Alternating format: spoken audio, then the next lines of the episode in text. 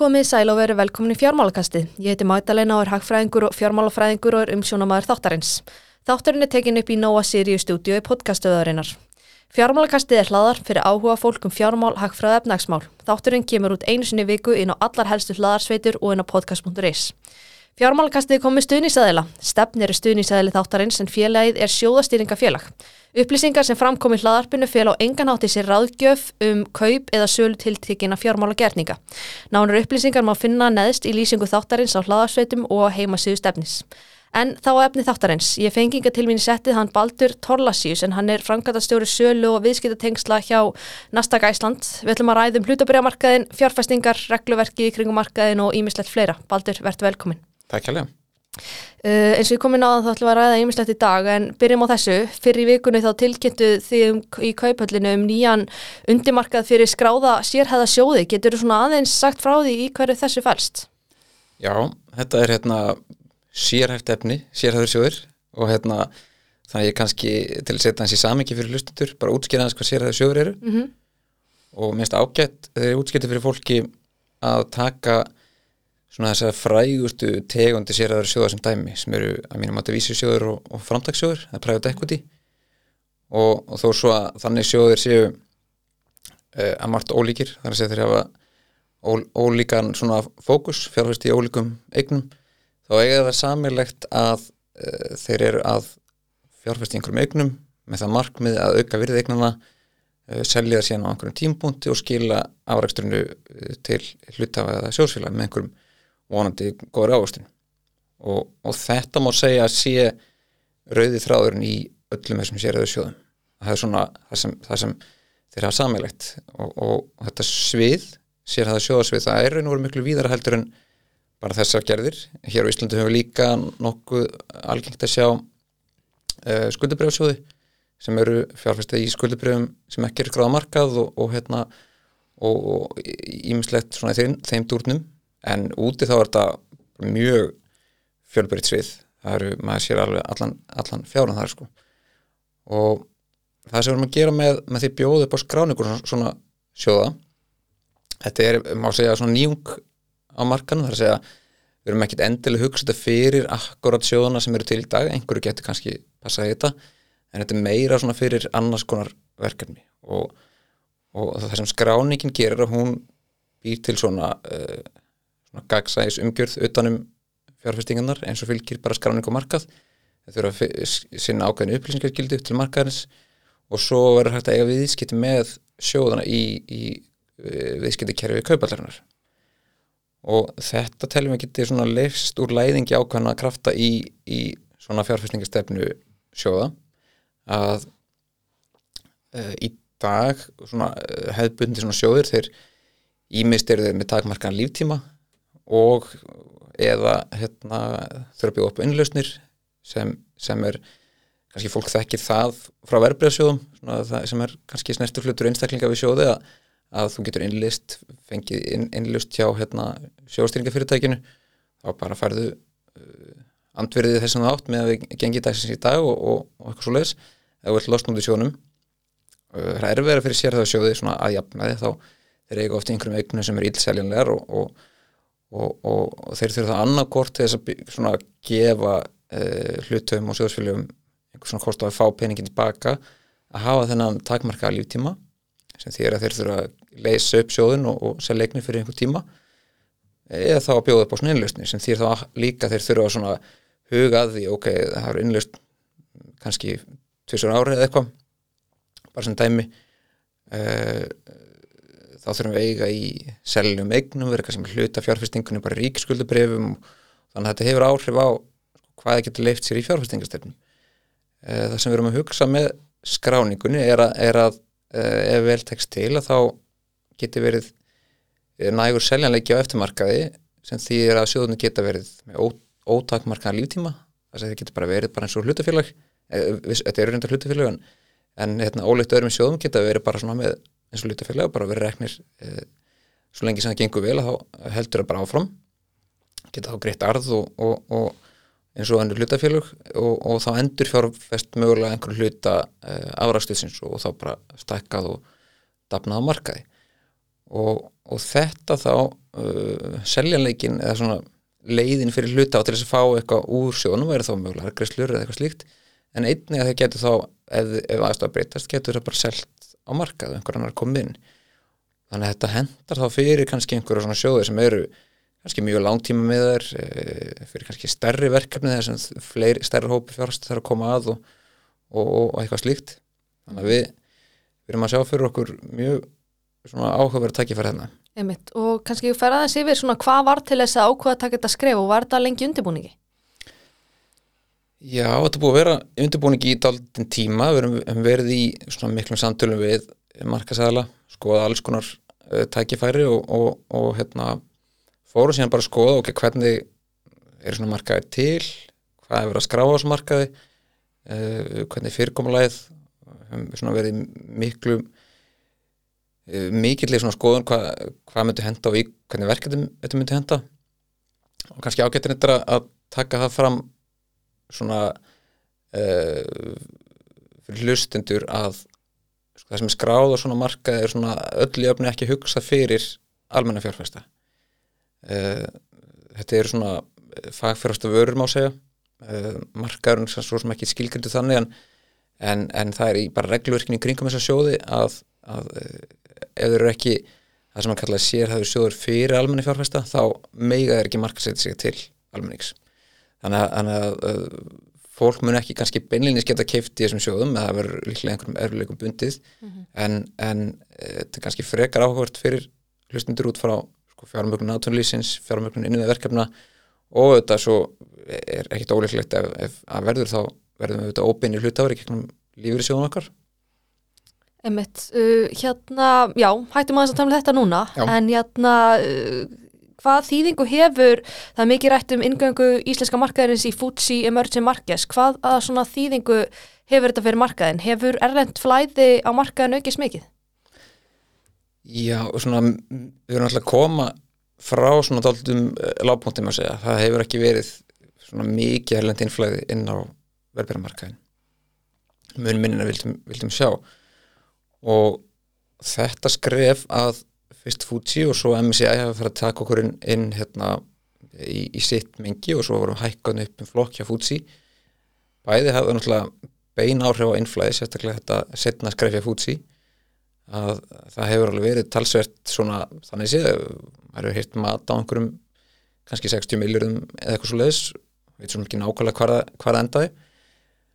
Og þannig að þetta, þessi beinu áhrif þau voru vissulega ákvæð að fá þetta fjármagnin en ópin áhrifin og svona sem, sem er ekkert alveg komin í ljós, mun held ég áfram, halda áfram á svona komin í ljós, þau eru eftir enn meiri, að þarna er eru svona þetta, er- svona skref í þroskaferli markaðir að koma okkur á korti hjá orðildi fjárfestum. Aðri fjárfestar getur hortið þess núna ok, nú er MSC að Fuji farin að skoða. Það, það hefur þýðingu. Þetta er ekki viðmið sem þau nota er ekki valin að handáfi þau, þetta eru bara viðmið sem fjárfestar horfa til þannig að, þannig að þetta svona snara ykkur möguleika okkar á að geta leita til erlenda fjárfesta. Og, og hérna og sömulegist þá bara vindur það pínu upp á sig. Þetta hefur svona oft pínu hænan og ekki vandamál. Fjárfestin, fjárfestin kom ekki inn út af því að umhverfið stiðið ekki. Þar að segja erlendi bankar kannski hafa ekki áhuga á þjónusta viðskiptavinnu með viðskipt á Íslandi og eitthvað slíkt og, og erlendi bankarnir hafa ekki áhuga út af því að viðskiptavinnir hafa ekki áhuga og þannig að svona um leið og þessi bolti fyrir að rúlla þá held ég að séu mikil tækifæri þarna. Til þess að mikilvægt að auka hérna, erlend eh, eignarhald í einlendu félögum? Já, ég held að sé mjög holdt að fá uh, erlenda fjárfæstein af meiri þunga, ekki bara út af fjármagninu hérna, líka bara út af því að, að, að það eigu við svona fjölbreytni í skonaskiptum uh, því fylgir þekking sem kemur, kemur á markaðin til þess að þróska markaðin þannig öðru sér viðskiptahættir, við sjáum það bara með þessar innkomu hérna, erlendagalega núna að það, þeir hefða sér öðru sér og það er svona hristir hans upp í markanum og, og, en svo er þetta líka bara önnur hlið á sko, hi- hinn vinklinum að við viljum uh, að innlendi fjárfestar geti fjárfest erlendis. Þannig að ég held að sé mjög gott að hafa þá þetta flæði sko, að viljum ekki íta fjármagninu innleitu fjárfæstinu út annars er þessi komið eitthvað á móti og, og öfugt Hvað væri svona ásettanlegt hlutfall? Ertu með einhverju skoðan á því? sko og ég held að við séum einhverjum kringum 10% núna Mm -hmm. uh, þetta er nær 50% í, á Norrlöndunum í, í eignarhaldi Mhm. Held að þessi hlutvall sé ennþá herra meira segja í viðskiptum sem sýnir svona hvað, hvað áhrif þetta getur haft á virkni markaðar en svo slíkt að hérna þá setur nær held í 70% uh, þó að sé kannski erfitt að mæla það getur vel verið að einhverjir innlendra aðalega fara í gegnum erlenda banka og svoleiðis. En þetta er einhverstur hérna þannig að það er mikið svona uh, plása að hlaupa í þarna. Einmitt, ég held að það sé óætt að segja að svona áhugi almennings af fjárfæstingum hefur aukist til muna undirferðinu misserum. Svona, hvað teluru að valdi því?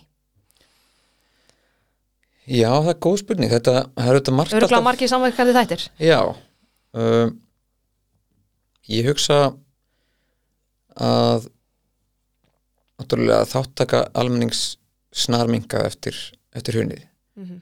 og, og tók þetta langa tíma að, að vinna það upp og það var bæði má segja eftirspyrnarliðin sem, sem svona var daldið eftir á þar að segja fólk hafði ekki eins mikið áhuga og það var svona daldið fjarlægt og, og nánast bara tabú að, að fjárfesta.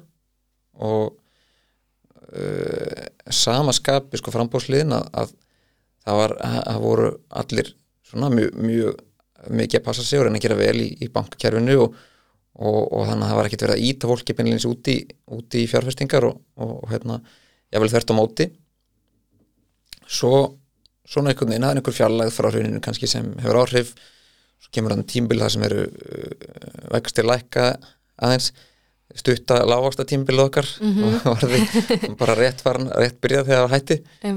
Og, og en kannski ekki síður bara svona varð einhver vitundavakni sem va- vatt aðeins upp á ég. Mm bæði sko, maður fann fyrir þessu margir svona tengið það við hluta fyrir útbóð Æslandir þannig að haustið 2021 það ekki, 20 Var ekki 20? Ég held það. Að 2020. byrjað, já, Já.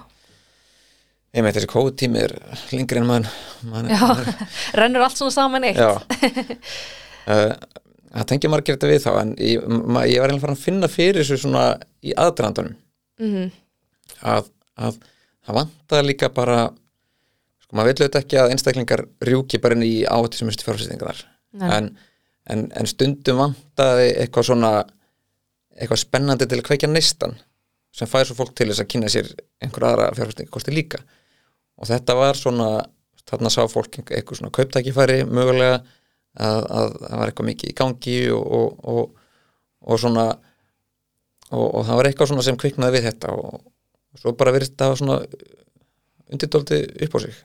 Telur að áhugi muni svona aukast enn frekar þegar framlýða stundir? Ég vona það, við höfum svona haldið ágætlega í þennan fjölda sem hefur bæst við markaðin, þrátt fyrir hérna verð það verið að lækka og, og svona einhver óður skí og, og, og ekkert endilega bestu aðstæður á markaði fyrra til dæmis í, með til til verð þrónar en, en hérna uh, ef við höldum áfram bara að þroska markaðin og, hjálpa fólki að afla sér þekkingar og, taka upplýstir fjárfæstingar ákvarðanir þá held ég að, að það sé alveg alveg hérna fórsendu fyrir því að, auka og held ég að vera mjög jákvætt Einmitt. Er áhugin að nálgast það sem gengur og gerist ellendis eða eigum við langt í land þar? það sko er mjög ólíkt milli landa og, og maður er alltaf Bara svona ef við miðum við Norðurlöndin kannski? já, ef við við Norrlöndin þá held ég að við erum ennþá dálítið inni Mhm. Eh, Svíþjóð er svona það land sem hefur verið svona fremst í þessu Einmitt. þannig að það, það er alveg erum talsett í land þar sko held ég Einmitt. En hérna býstu við að þáttangamarkanu verði á pariða sem gengur og gerist erlendis eða framlýða stundir? ég held við erum alveg að geta náði uh, við náttúrulega bara tala um hlut, hlutfalls Mm tölur og, og hérna uh, ef við höldum áfram að þessari vegferð þá, þá er það algjörlega markmið sem við getum eigum að geta náð bara stefna því Já, En jæna, sumir svona sem ég hef tekið viðtöl við vilja meina að svona almenningur sem að hefur kannski ekki kynnt sér markaðina vel ætti kannski frekar að fjárfesta í sjóðum heldur en í stökum hlutabrifum. Er hver er svona þín skoðun á því? sko, ein- eins og ég mikill hérna, talsmaður og áhugaður um, um beina þáttu galmennings þá eru sjóðunir alltaf uh, alltaf Svona gott byrjunarskref. já, Já. er alltaf svona það er alltaf kjölfestin í þessu og það er líka í þessum löndum tökum Svíþjóð sem dæmi er mjög virk þáttaka almennings í, bara bein þáttaka í hlutabriðisketum þá er hún ekkit síður virk í gegnum sjóðuna sko.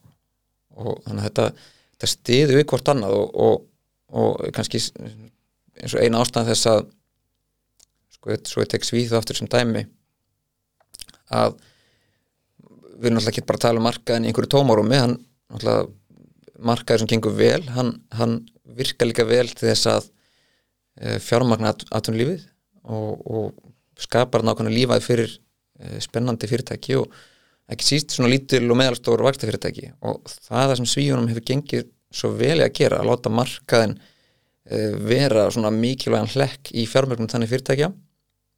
Og þeir, þeir tengja dópslega mikið við sko, það er alltaf margir samverkandi þættir. En það er tvent síðan nefn alltaf þegar maður að ræða við bara hver, hver er hérna alíni sósan ykkar?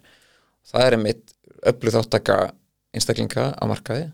Þess að lítil fyrirtæki þau höfðu átt svona hlutvætlega betur til lítilli fjárfesta. En ekki síður að, svona öllu þáttaka einstaklinga í gegnum sjóðuna hefur skapað opaslega svona uh, blómlega eh, blómlegt umhverfi fyrir svona fjölbreytta flóru sjóða líka og, og hérna stofnunarfjárfesta sem þetta tvent svona að vera með einstaklingana og vera með svona marga fjölbreytta uh, stofnunarfjárfesta það býr greinilega til opáslega svona gott umhverfi fyrir fjármörgnin vastafyrirtæki. Hérna, hvað er svona mikilvægt að hafa í huga áður en maður fjárfæstir í verbreyfum, svona fyrir þá hlustundur sem eru kannski að taka sín fyrstu skref á, á hlutabreyfamarkaði? Það, já, maður getur farið við langar lista hér sko. Já, bara svona þetta helsta. Já, sko, fyrsta er sem náttúrulega opnar inn á allar hindirna er bara að byrja að kynna sér málin. Að Fylgist með viðskiptafrættum og svona, já, fylg- fylgjast með viðskiptfréttum skoða kjalduna. skoða kelduna, uh, hlusta á, á podcast. Já, um, það er farnar að vera svona áhugaverðar umræður á svona einhverju fjármála síðum á Facebook og, og Reddit og fjármála Twitter er svona minna mengi en, en svona við og við eitthvað þar sem, sem maður hérna rekst á og sækja námskeið. Það eru, eru uh, náttúrulega þetta, þetta uh, kom inn á hérna samstarfsverkefni kaubaldarinnar og, og ungra fjárfæsta þar. Mm hérna uh, skjóta einhver inn með það hérna? Já, já, endilega. það er hérna, þú ert náttúrulega Ég formar einhver fjárfæsta, já. formaði þar og þannig að við hefum verið að vinna og, og vorum í því fyrir Hjæltum líka. áhugaverðan viðburð í nógumböru síðast ári, þar sem við fengum fullt af áhugaverð fyrirlesturum í samstarfi við ungar aðtámnakonur líka. já, alveg svaka þáttaka og fylgtum hérna eh, sal hérna nýr í grósku. Og við ætlum að halda áfram á þessu og þið hafa líka verið með eh, fyrirlestra, við hefum verið með veffyrirlestra, bankarnir hafa verið með fyrirlestra. Þannig að um að gera bara svona fylgjast með þessu öllu og, og, og svona setja sér inn í málun Einmitt, um að gera, en jæna snúum okkur þá aðeins að ræða um markaðin sjálfan. Er ekki búist við svona nokkrum nýskráningum um markaðin á þessu ári, eða komum til missunum Já, ég held að það er svona mitt megið verkefni að, að hjá kaupöldinni að fjölga fyrirtækjum á, á markaði og ég, ég er nálega sæmilega bjartsýn uh, bjartsýn, meira bjartsýn heldur en held ég kollega mínir í, í flestum kaupöldum, það er svona ákveðin láteiða víða í skráningum. Uh, svona ágætis gangur sem staðar en, en hérna markaði svona hans að jafna sig eftir eftir að hafa náða þarna hápunkti uh, í verðþróun og, og emitt fjölda skráninga uh, hér held ég að við eigum bæði bara dálítið inni. Uh, við vorum alltaf lengi að, svona koma okkur á fætur eftir, eftir hrunið. Þó svo að það gengi vel í skráningum í, í fyrir og hitt í fyrra þá það verið svona rólegt áran þar áður. Og þannig að bæði held ég að sé sko talsvægt fjármagn hérna umferð uh, horfur í efnarslífinu mörguliti góðar með það sem sjáum annar staðar og, og, og svona kannski uppsefnuð fjárfestinga þörf við það og, og svona þörf á, á meiri breytt í eignasöfn.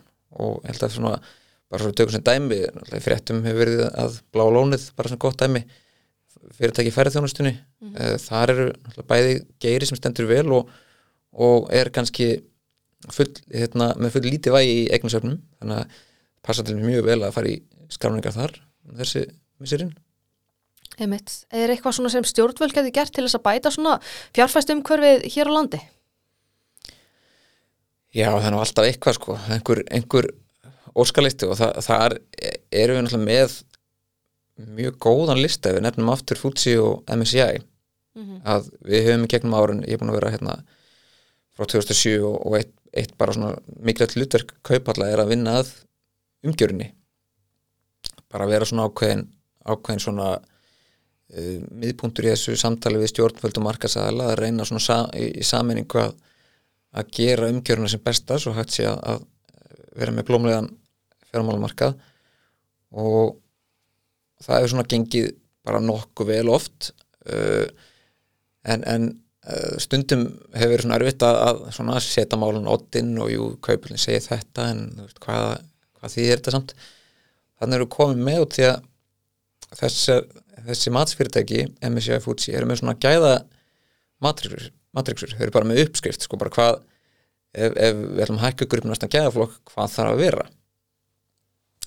Þannig að þá getur bara farið yfir listan og bara heru, þau segja hérna hérna eru þið á tossarlista, hérna standið ykkur vel og þá er þetta bara góður svona góð fórskrift í samtali við stjórnfjöldu markasæl og hérna þurfum við að spýta lóna sko. En finnst þér svona regluverkið í kringum fjármaksmarkaðina hér á landi, er það of íþingjandi eða er það almennt til góðs? Svona hvað er, hver er þín skoðun á því?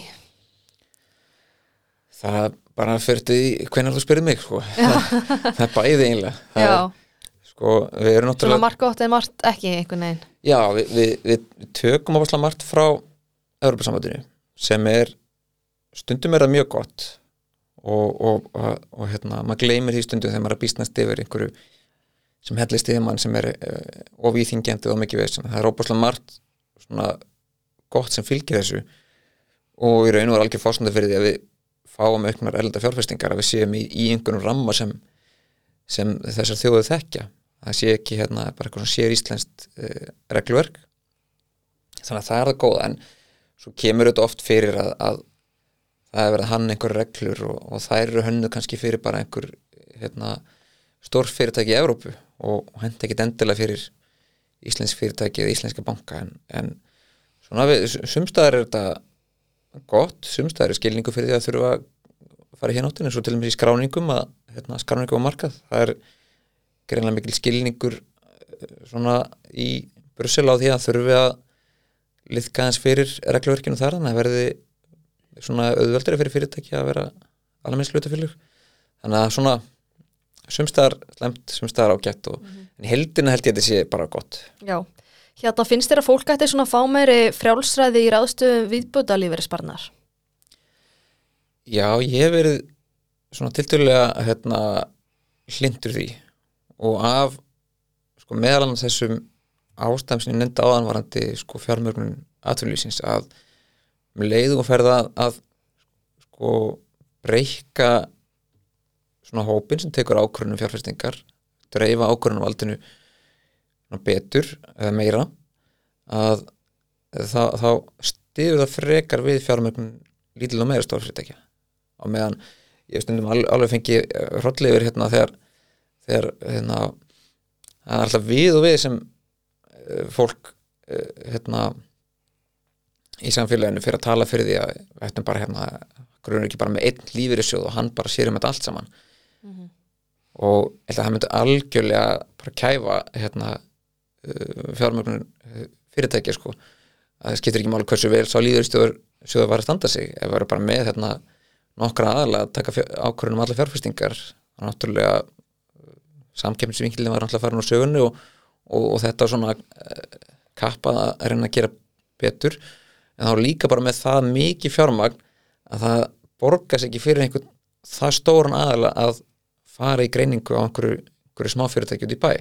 Og þarf þetta að hafa fleiri aðala að meta til þess að, að, að hérna, fjármagnir skilir sér sko niður viðiskenna líka. Og það þurfum við til að búa til stóra fyrirtækin. Einmitt. Ætti fólk að fá svona skattaafslott til hlutabrjákaupa að þínu mati? Er það svona einhver breyting sem þú myndi vilja sjá? Já, ég sko einmitt af, aftur að, að annar vingill af af sama máli sko, að ég held að held að bæði það að vera með einhverja kvata í hvað formi sem þeir eru það var svo sem ég ákvæmt skref tekið þarna í fyrir hvað líklega tveimur árum þegar hérna uh, frítekjumark fjármarstekna var átt á bara við um, um hérna vastatekjur fært á, á skráð hlutabér líka sem, sem svona var bara mjög ákvæmt skref uh, í Svíþjóð aftur þar sem þessi markar hefur blómstallið mikið þá eru ákveðnir skattlegi kvatar sem eru uh, við höfum verið meðlans að skoða með stjórnvöldum og, og tala fyrir. Þannig að ég held að þetta allt svona ít undir heilbyggara allt sem svona fær líka fólk til þess að svona setja sér betur inn í þessi máli þetta sé líka bara spurningum að fólk átt sér betur því hvernig uh, atvinnlífið virkar. Að vera svona þáttangur þáttangandur uh, dreifum þá betur arðunum af hérna af uh, atvinnlífinu og, og svona held ég getum bara byggt upp betra samfélag. Ætti að rýmka heimildið til skortsölu hér á landi að þínu það væri erfitt að ringa heimildi til skortsölu þegar við, við erum bara með hérna aftur þá erum við með Já, já, já. hérna Európa-regluverk og hann Já, komin inn á sem við erum skildið til að taka inn. og hann komin inn á spurninguna á þann, þú veist, það er margt gott við það, en það er eitthvað slæmt við það sko. En það verður hægt, mynd, væri- myndirðu segja að verður gott fyrir markaðin? já, já uh, klálega sko og það er hérna, eins og ég var svona að mörgli dánað með þetta, þetta þessi skortsölu reglugerð þá þá eru vankantir áni sem ég ef ég hefði var með hérna vald í, í Brussel sem ég hef því miður ekki, þá myndi ég aðeins svona sníða það til en hérna, ég held að sé á, mjög jákvæmt fyrir markaðin að fá virkari skortsölu sko. Ætti að setja á laggina skipulan afleiðumarkað hér á landi? Já, við, við, það, ég held að það, það er einmitt eitt, eitt af þessum svona viðmiðum í gæða Matrixu, Futsju, MSCI að sé virkur afleiðumarkaður og, og held að það væri svona bara breyður breið samstæðum að það væri gott fyrir, fyrir markaðin, að myndi dýfkan uh, svona bæta verðmyndununa og, og hérna og bara að leti jákvætt held ég fyrir, fyrir fjármörkun atvinnlýsins. Hvað er svona framöndan hjá Nasdaq Æsland? Hvað er svona döfinni hjá okkur í kaupallinni? Uh, við ætlum að ætlum bara að halda áfram að á þessari vegferð að, að þroska marka en reyna að tala fyrir umbótum. Uh, fjölga fjárfestingakostum það er stort áherslu mál og, og vonandi skrá einhverja sér það sjóði og hérna og, og bara sjá til þess að, að markaðurinn svona uh, sinni sínu hlut, hlutverki að vera lífaðið fyrir fjármögnun atvinnulífs og, og áhugaverða fjárfestingaverkjörna En þá venni, þá færum við okkur yfir á léttunótunar. Þú mentaði í hagfræði, akkur var svo fræðigrein fyrir valinu? Já, hún hérna þetta var svona ég ætlaði aldrei að fara eh, á þessa leið og, og jáfnvel eftir ég fór í hagfræði ætlaði ég alls ekki vinna í fjármálum sko. það var hérna, ég endaði einhvern veginn þar bara ég, ég var svona velja melli tvekja mjög, mjög ólíkra kosta sem var að fara í annars vegar í sko bara einhverja hérna, e, teikmyndagerð hins vegar að fara í hagfræði. Hljómar ekki, ekki mjög líkt. Það er kannski hægt að samtvinna þetta eitthvað? Já, aldrei vita sko. Og hérna og, og, og þegar ég var svona á þessum þessum svona uh, staði lífinu að reyna, reyna að ákveða þetta og áttum ég að rautt með þetta valdi ég er svo, ég er svo hérna uh, á þetta fælinn greinilega að ég valdi hagfræðina og alltaf svona ok, ég, ég fer allan hagfræði og svo, svo sé ég bara til. Og hef ég það allavega, það er allavega en, en ég, mér fannst hagfræði mjög áhugaverð í ég var í Vestló, þá var þetta skildufag hérna og og mér fannst hún mjög áhugaverð og hafði aldrei hugsað sko að ég færi eitthvað á þessa braut en hún, hún svona satt alltaf í mig samt. Og sérstaklega svona svona einhvern svona vingill á uh, hegðun fólks hvernig fólk bregst við kvötum sem er eiginlega svona kjarnin í hagfræðinni bara, bara kvatar og, og hvað árið þeir hafa ákvarðanir og hvernig við getum svona aggregera það og reynda átt okkur þá á einhverju svona heldar þróun í, í hagkerfinu. En það fannst mér mjög áhugavert. Þannig, en ég hef ekki, ekki hérna hort tilbaka með eftir sjá, ég er hérna Nei, bara mjög ánægð með þetta val. Einmitt, hvað svona finnst þið skemmtilegast að gera utan vinnu? það er bara ég er mikill, mikill fjölskyldumæður uh, ferðumist mikið með börnun okkar. Við erum mikið, mjög duglega að fara til þess bara í helgaferði bara á einhver hótel hérna eina nótt og eitthvað hérna innanlands og tökum alltaf börnin með, við erum alltaf eina fólki sem er með börn hérna, það er allir í einhverju svona eh, helgafríi frá börnunum og við erum hérna með þau hangandi inn á okkur. En alltaf rosalega gaman sko, þetta er hérna ótrúlega góð samvera. Já, en fyrst þið finnst gaman að ferðast þá leikur kannski beinast við að spyrja svona hvað er þín uppáhaldsborg, hvað er skemmtilegasta borg sem hefur komið til? ég, Já, ég held ég alltaf að segja Tókjó Ok, hvað er svona það mest sem heitlaði við hana? Það er bara svona þetta er náttúrulega mjög svona exotíst, maður er alltaf komin langt frá heimahögum og, og, og einhvern veginn að vera í Tókjó bara í einhverju hverfi sem er ekkert merkjöld einu sinni, bara við vorum á einhver hóteli bara einhver staðar og það er allt bara einhvern veginn svona áhugavert. Og ert bara að labba um og skoða einhverja sjálfsala og, og kaupa einhver eitthvað dræsli í þeim og hérna merkingarnar eru skrítnar og, og, og en að samaskapi eins og þetta er óbúrslega exotist þá veist, finnst mann að maður aldrei vera jafn örugur eins og þarna. Óbúrslega mikið öryggi uh, hérna og þau gera svo mikið út á bara að gera eitthvað svona öðru svo skrítið og, og það verður bara eitthvað svo eitthvað svo einstakt. Þannig að ég bæði verið með sumar og svo fór ég hérna yfir jól og áramót einu sinni. Þannig að það var mjög gaman að upplifa jól í Tókjó Hvað er að þínum að þetta er svona besta fjármálamyndi eða þættir allar tíma? sko maður er með svo stutt maður er með svo stutt minni sko. Ég er mjög, mjög mikið fyrir fjármála myndir og þætti. En Máttu nefna Ég- nokkra? já ég sko ég held bara af því að ég er að horfa á núna og mér finnst þetta svo geggjar þá held ég að segja Succession. Já, að hérna ég er þetta hana eftir. Já, þetta eru geggjar þættir og, og hérna svona ég veit ekki hvort maður flokki á svona jú, jú, þetta, þetta er svona þannig sem fjármál þættir. Þetta eru, þeir, þeir eru svona komin inn á þetta, þetta mér fyrirtæki sem, sem hérna máli snýra, það er skráð, skráð markað og, og, og hérna er í alls konar alls konar hérna pælingum og koma inn í yfirtökur og, og, og hvað eina sko þannig að þetta er mjög, ég mæli hygglust með þeim. En mér skilst að ég er margt gott inn í út, ég er svona cirka hálnaður eða eitthvað með þetta og það er komin ný serið með þess að þannig að ég, ég, ég ætla að hérna Já, mæla með því. verð að, ég verð að tjekka þessu. En ef þú ættir að mæla með einni bók fyrir hlustundu fjármálakassins, hvaða bók væri það? ég, Já, ég var náttúrulega að velta þessu fyrir mér. Uh, ég er hérna, minnst mjög gaman að lesa og, og reynda að hlusta á svona bækur um fjármál og, og viðskipti. Og ég ætla að mæla með ég er svona mikið áhuga á svona meiri áhuga á rekstri fyrirtæki heldur en fjárfestingunum sjálfum og, og svona nálgast svona fjárfestingapælingar út frá rekstrinum, þannig að ég er meira að hlusta og lesa þannig bækur og, og einn sem er óbúslega góð og sérstaklega fyrir fólk sem er svona að reyna að svona vill setja sig inn í fjármál og, og jáfnvel þá að lesa líka um eitthvað sem svona það þekkir aðeins. Og það er Shoe Dog Já. eftir hérna Phil Knight, stofnanda Nike. Já, já, og þetta er bara mjög, þetta er náttúrulega fyrirtæki sem fólk þekkir og, og fæstir þekkir náttúrulega söguna að bak, bak við fyrirtæki en eh, hún svona bæði bara út í þetta hún er bara óbúslega vel skrifuð og sagan áhugaverð, hún sýnir svo vel svona hvað fyrirtækirekstur er mikið hark. Þetta er ekki einhver svona, einhver svona saga sem allt gekk, allt gekk upp og, og hérna hann var einhver snillingur í hinn og þessu heldur var þetta bara greinlega hark út í eitt bara eh, hérna það, það til hérna mjög langt var á veg komið. Og þannig ég bara já, mæli eindir einminn, hún er mjög bæði skemmtileg og fróðleg. Já, maður þarf að tjekka henni. En jæna, er eitthvað að lóka sig að koma fráfæri?